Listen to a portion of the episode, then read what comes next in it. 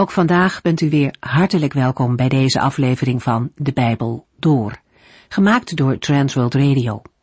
Voor meer informatie kijkt u dan op onze website transworldradio.nl. In deze serie gaat u in vijf jaar tijd met ons de Bijbel door, van Genesis 1 tot en met het laatste vers in Openbaring 22. We lezen uit het boek Daniel. In hoofdstuk 5 is Belsazar aan de macht. Hij was de zoon van koning Nabonidus en nam als een soort onderkoning de zaken waar voor zijn vader. Belsazar regeerde na Nebukadnessar, maar was dus geen zoon van hem. Wellicht was zijn moeder een dochter van Nebukadnessar en stamt hij via die lijn van hem af. In de tijd van Belsazar loopt het Babylonische Rijk ten einde. De Mede en de Perzen zijn de nieuwe wereldmacht. Het gaat precies zoals we hebben gelezen in Daniel 2. Het gouden hoofd uit Nebukadnessars droom wordt opgevolgd door een romp en armen van zilver. De Babyloniërs zullen niet voor altijd regeren. Tijdens een groot feest van koning Belsazar komt er een boodschap van God, die door een hand op de muur wordt geschreven. Daniel wordt ontboden als niemand weet wat die woorden te zeggen hebben. De vorige keer stonden we stil bij de uitleg van de profeet. Hij is op hoge leeftijd gekomen als hij voor Belshazzar staat, zo rond de tachtig. Het geloof, waar hij in zijn jeugd zo pal voor stond, is door de jaren heen gebleven. Daniel hecht geen waarde aan de geschenken die de koning hem aanbiedt als dank voor de uitleg. Hij brengt hem eenvoudigweg de woorden van God over. Daniel herinnert de koning aan Nebukadnessar, aan de grote macht die deze koning had. Hij maakt ook duidelijk dat die macht van de enige en almachtige God afkomstig was. Nebukadnessar accepteerde dat pas nadat hij zeven jaar lang als een beest had geleefd. Zijn trots speelde hem lange tijd parten, maar uiteindelijk boog hij zich voor de Heere.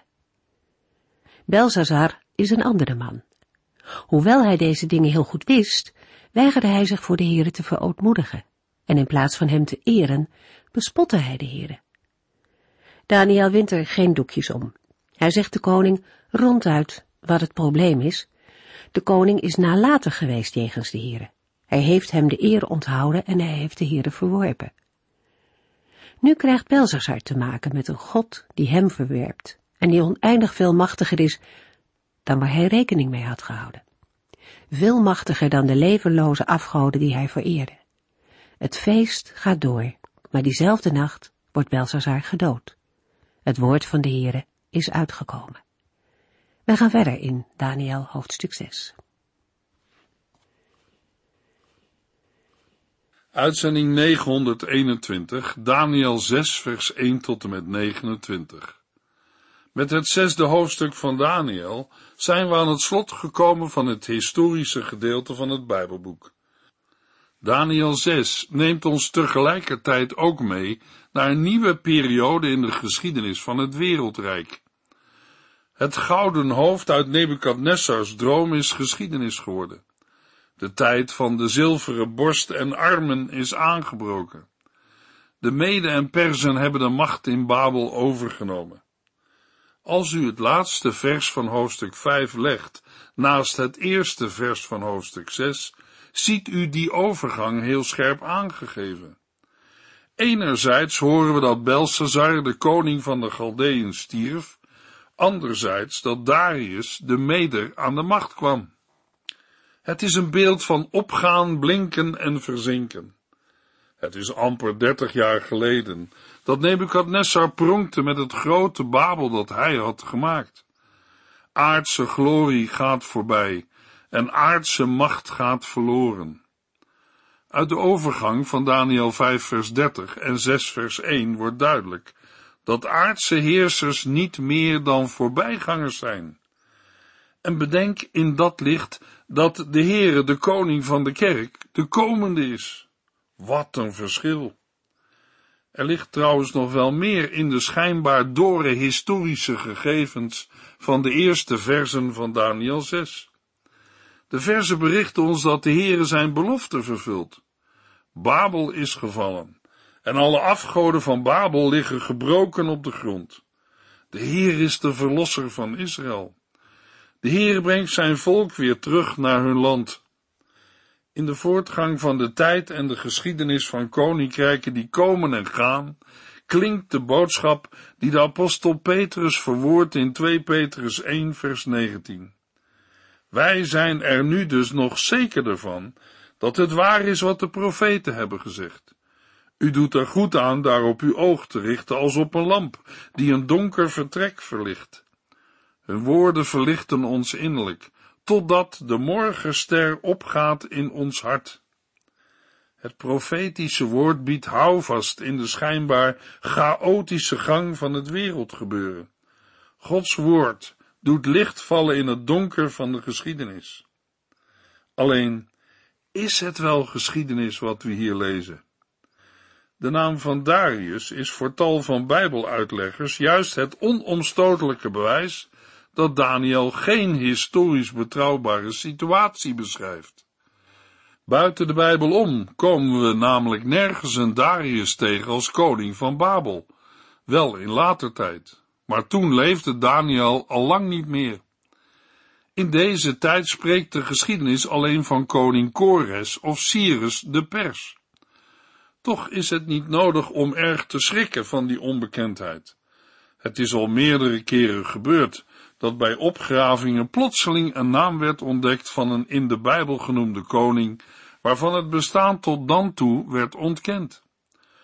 Op grond daarvan zou je van wetenschappers wat meer terughoudendheid verwachten.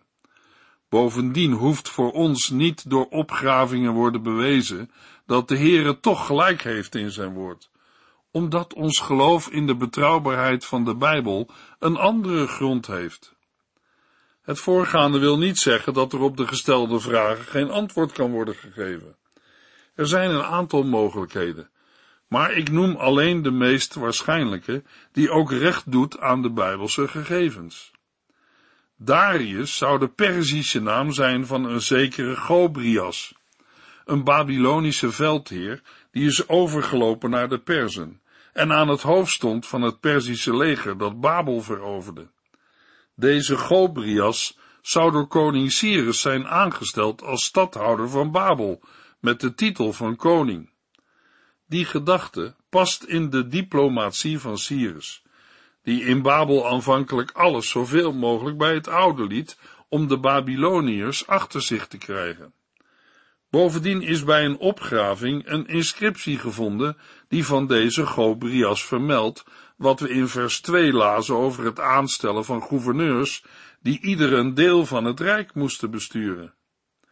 Gezien de leeftijd waarop Darius koning werd, 62 jaar, is het heel goed mogelijk dat hij maar kort geregeerd heeft, waarna Cyrus het van hem overnam. Met deze uitleg kunnen we ook beter Daniel 6 vers 29 begrijpen, waar we lezen, Daniel was hoog geplaatst en erg geliefd tijdens de regering van Darius en tijdens de regering van de Perzische koning Cyrus. Darius regeerde als onderkoning onder Kores of Cyrus. Daniel 6 vers 1 tot en met 3 Na de dood van Belshazzar kwam Darius de meder aan de macht. Hij was toen 62 jaar. Hij benoemde 120 gouverneurs die ieder een deel van het rijk moesten besturen. Zij waren verantwoording verschuldigd aan drie onderkoningen, van wie Daniel er één was. Zo ontstond een doeltreffende regeringsstructuur. De Heere zorgde goed voor zijn trouwe dienaar Daniel. Daarom is hij, hoewel hij toen de derde man in het koninkrijk van Babel was, niet gedood. En hij is ook niet op de achtergrond geraakt. Bij de reorganisatie van de regering door Darius krijgt hij een plaats in het driemanschap, dat onmiddellijk onder de koning staat en aan wie de 120 nieuw aangestelde gouverneurs verantwoording schuldig zijn. Daniel 6 vers 4 Al gauw bleek dat Daniel met kop en schouders uitstak boven de beide andere onderkoningen en de gouverneurs. Hij bleek buitengewoon begaafd. De koning dacht er zelfs over hem de hoogste post in het koninkrijk te geven. Koning Darius denkt er sterk over Daniel te promoveren, zodat hij dan de derde in het koninkrijk zal worden. Wie denkt daarbij niet aan het slot van Daniel 5? In een wereld vol corrupte mensen die bedacht zijn op hun eigen belang, valt Daniel op. En de koning steekt niet onder stoelen of banken dat hij veel waardering voor hem heeft. Darius wil het vertalen in een promotie. Daniel bleek buitengewoon begaafd te zijn. Hoe goed de anderen misschien ook zijn geweest, Daniel is beter. Daniel 6 vers 5 en 6 Dit zette kwaad bloed bij de twee andere onderkoningen en de gouverneurs. Zij probeerden een fout te vinden in Daniels beleid, zodat zij een aanklacht tegen hem konden indienen bij de koning. Maar zij konden geen enkel belastend feit ontdekken. Hij was eerlijk en betrouwbaar en boven alle kritiek verheven. Het enige dat overblijft, is hem aan te vallen op zijn godsdienst, concluderen zij. Drie dingen vallen op in de versen 5 en 6. Allereerst is er het onverdachte getuigenis van Daniels vijanden, want dat zijn de medebestuurders inmiddels geworden. Zij geven toe dat Daniel niets verkeerds doet, maar alleen goed. Dat zal Daniel zelf zo niet zeggen. In zijn gebed, dat we lezen in Daniel 9, vers 4 tot en met 8, ontmoeten we een heel nederige Daniel, die moet beleiden dat in hem geen goed woont. Het is alleen door de Heilige Geest die in hem woont, werkt en zorgt, dat er vrucht is van Gods werk in zijn leven. Alleen daarom moeten zijn medebestuurders hem een goed getuigenis geven. Maar het gebeurt tot eer van de Heere, want in zijn dienst staat Daniel. Er valt geen verkeerd woord van Daniel te zeggen. Dat is het eerste. In de tweede plaats lezen we in vers 6 iets heel positiefs van Daniel. De mannen om hem heen zeggen, als je hem pakken wilt, dan moet je het doen op het gebied van zijn godsdienst. Met andere woorden, ze kennen Daniel zo goed dat ze er vast van overtuigd zijn dat Daniel zich aan zijn gebedstijden houdt. Maar er is nog een derde ding dat opvalt bij het lezen van vers 5 en 6. De twee onderkoningen en de gouverneurs zijn allemaal tegen Daniel. Te midden van zijn collega's stond Daniel met zijn geloof alleen. Daniel 6 vers 7 tot en met 10. Zij gingen naar de koning met een dringend verzoek. Koning Darius, leef in eeuwigheid. Wij, onderkoningen, functionarissen, gouverneurs, adviseurs en landvoogden, zijn van mening dat u een koninklijk besluit moet uitvaardigen. Daarin moet u bepalen dat ieder die de komende dertig dagen een verzoek richt tot een god of een mens, behalve tot u, in de leeuwenkuil zal worden geworpen. Majesteit, wij verzoeken u onder dit verbod uw handtekening te zetten, zodat het onder geen enkele omstandigheid kan worden ingetrokken of herroepen. Het moet een wet van Mede en Persen zijn. Koning Darius ondertekende dat koninklijke besluit. Als de onderkoningen en de gouverneurs zijn aangekomen bij de koning, dan merken we het al. Ze hebben wat gevonden. Als wij de woorden lezen die de medebestuurders van Daniel uitspreken, dan voelen we aan wat erachter zit. Centraal staat niet de aanbidding van de koning, maar de leeuwenkuil voor de ongehoorzamen. En het besluit moet onmiddellijk worden genomen en onherroepelijk zijn. Het gaat hen niet om de eer van Darius. De leeuwenkuil moet open voor die ene die beslist niet zal gehoorzamen. Daniel 6 vers 11 Toen Daniel hoorde dat deze wet was uitgevaardigd, ging hij naar huis. Zoals gewoonlijk knielde hij boven in zijn slaapkamer, waar hij open vensters in de richting van Jeruzalem had. Driemaal per dag ging hij daar in gebed en loofde zijn God.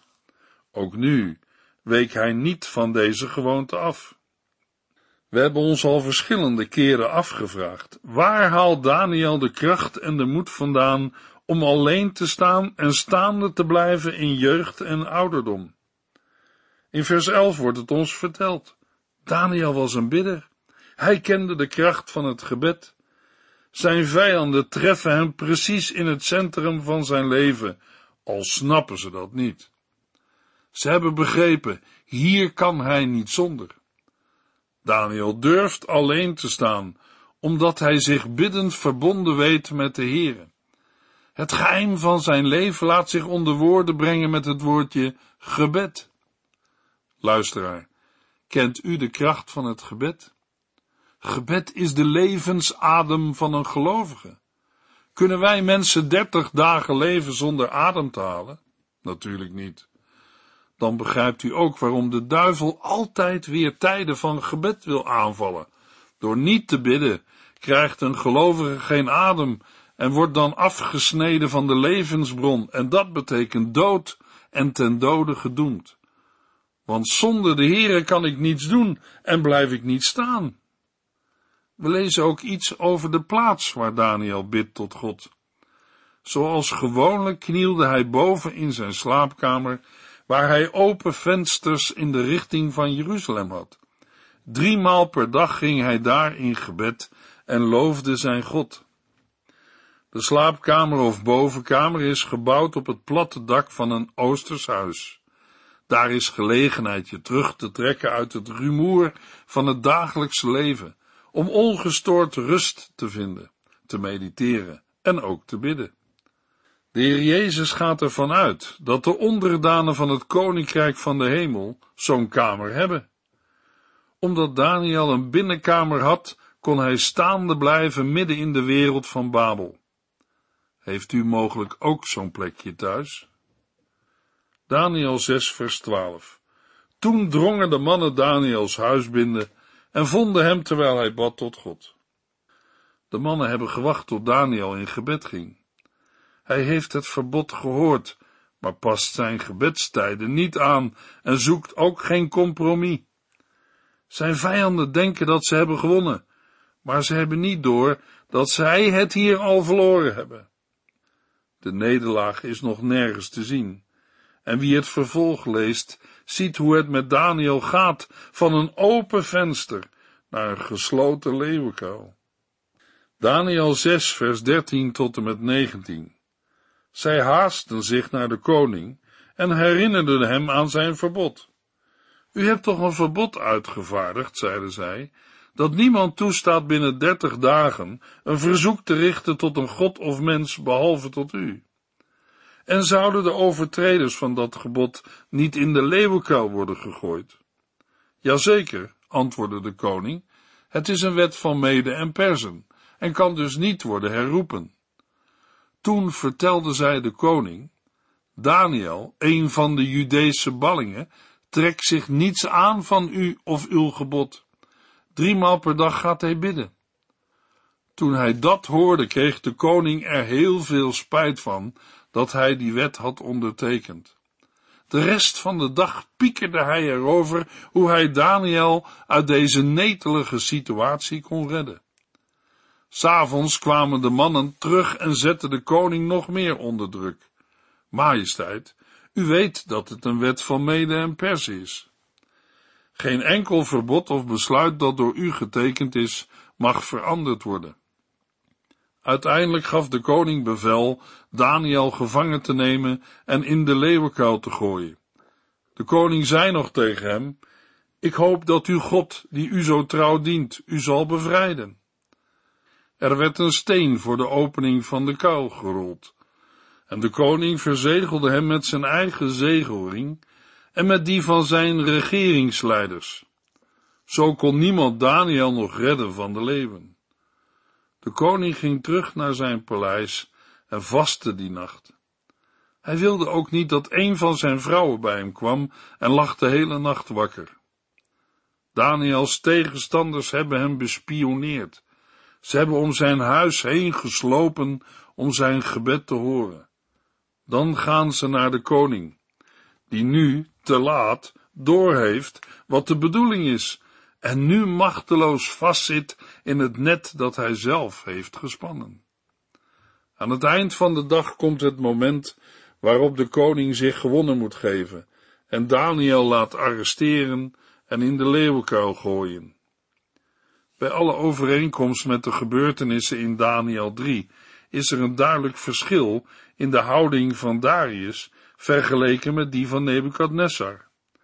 Dat blijkt het duidelijkst als we vers 17 vergelijken met Daniel 3 vers 15. Nebukadnessar vroeg, welke God zou u dan uit mijn handen kunnen redden? Darius zegt, ik hoop dat uw God, die u zo trouw dient, u zal bevrijden. In feite spreekt de koning daarmee zijn eigen wet tegen. Zo heeft Darius Daniel leren kennen, als een permanente vereerder van zijn God. Dat is ook het doel waartoe de Heer ons mensen heeft geschapen.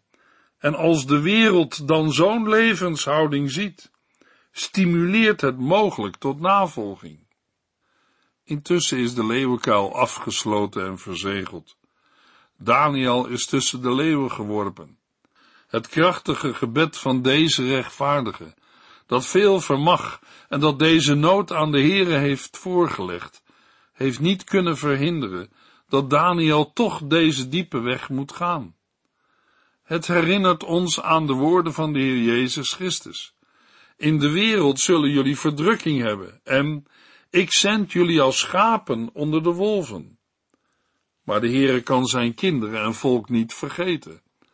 Hij geeft hen ook niet over aan de wilde dieren.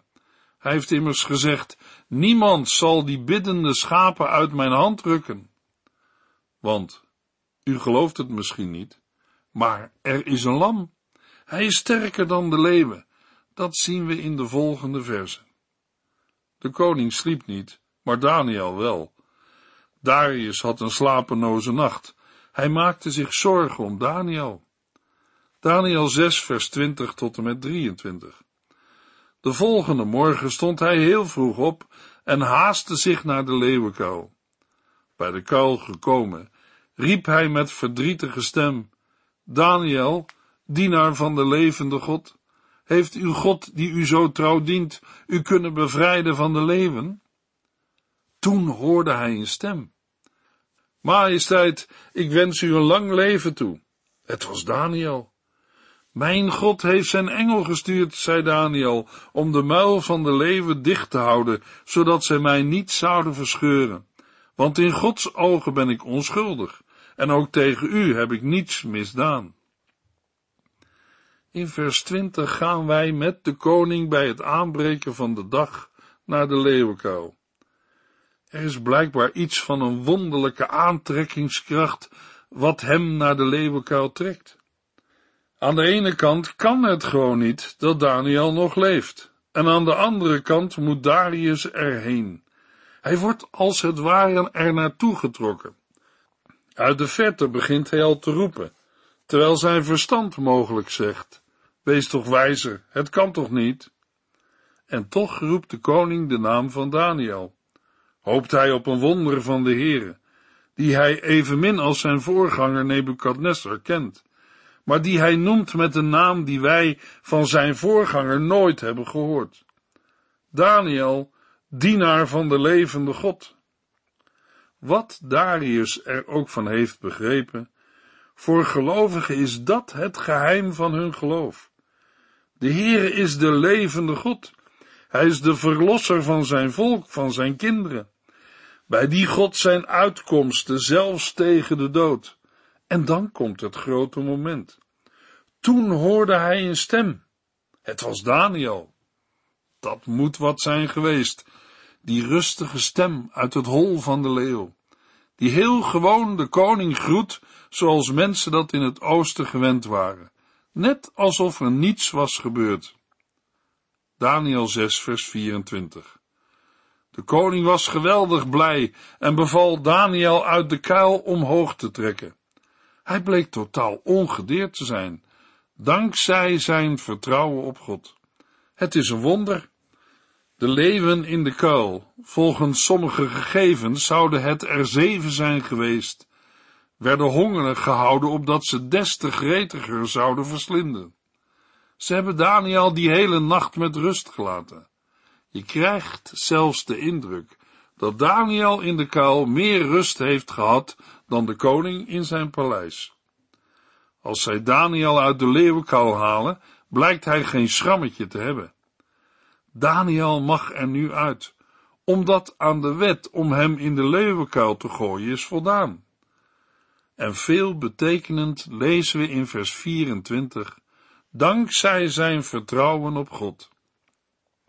Dat is het belangrijkste. Daniel heeft het geloof behouden. Dat moeten we goed zien, anders raken we met deze geschiedenis in de war. Er zijn sinds Daniel zoveel gelovigen voor de leeuwen geworpen, en meestal werden de muilen van de leeuwen niet gesloten. Maar de overwinning van Gods volk ligt in het slot van vers 24. Dankzij zijn vertrouwen op God heeft Daniel het geloof behouden. Door dat geloof, zegt Hebreeën 11, hebben zij de muil van leeuwen toegesloten. Nee, niet het geloof zelf deed dat. Kijk maar in vers 23. De Heere verlost en spaart, maar hij legt zijn overwinnende kracht in de bevende handen van het geloof.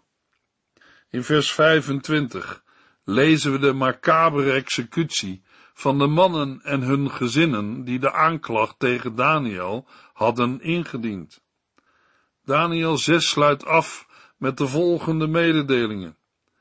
Toen schreef koning Darius aan alle onderdanen in zijn rijk, wij wensen u veel vrede en voorspoed.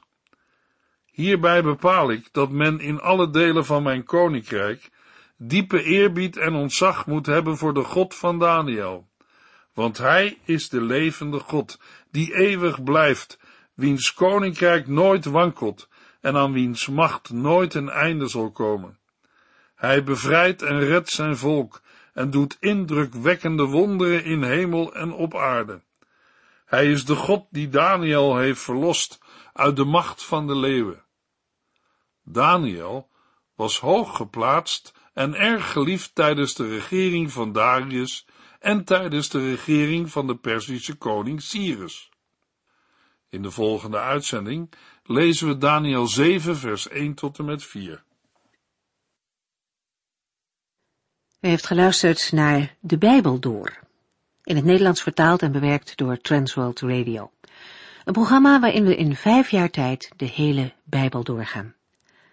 Als u wilt reageren op deze uitzending of u heeft vragen, dan kunt u contact met ons opnemen. Tijdens kantooruren kunt u bellen op 0342 47 8432. 0342 47 8432. Ook kunt u een e-mail sturen naar de Bijbel door at transworldradio.nl en natuurlijk kunt u ook via de post ons bereiken. TWR, postbus 371, postcode 3770, AJ in Barneveld. Dit programma werd gepresenteerd door Cor Weda en Ike André. Techniek was in handen van Odin van Voerkom. En wij allemaal bedanken u voor het luisteren. Graag tot de volgende keer.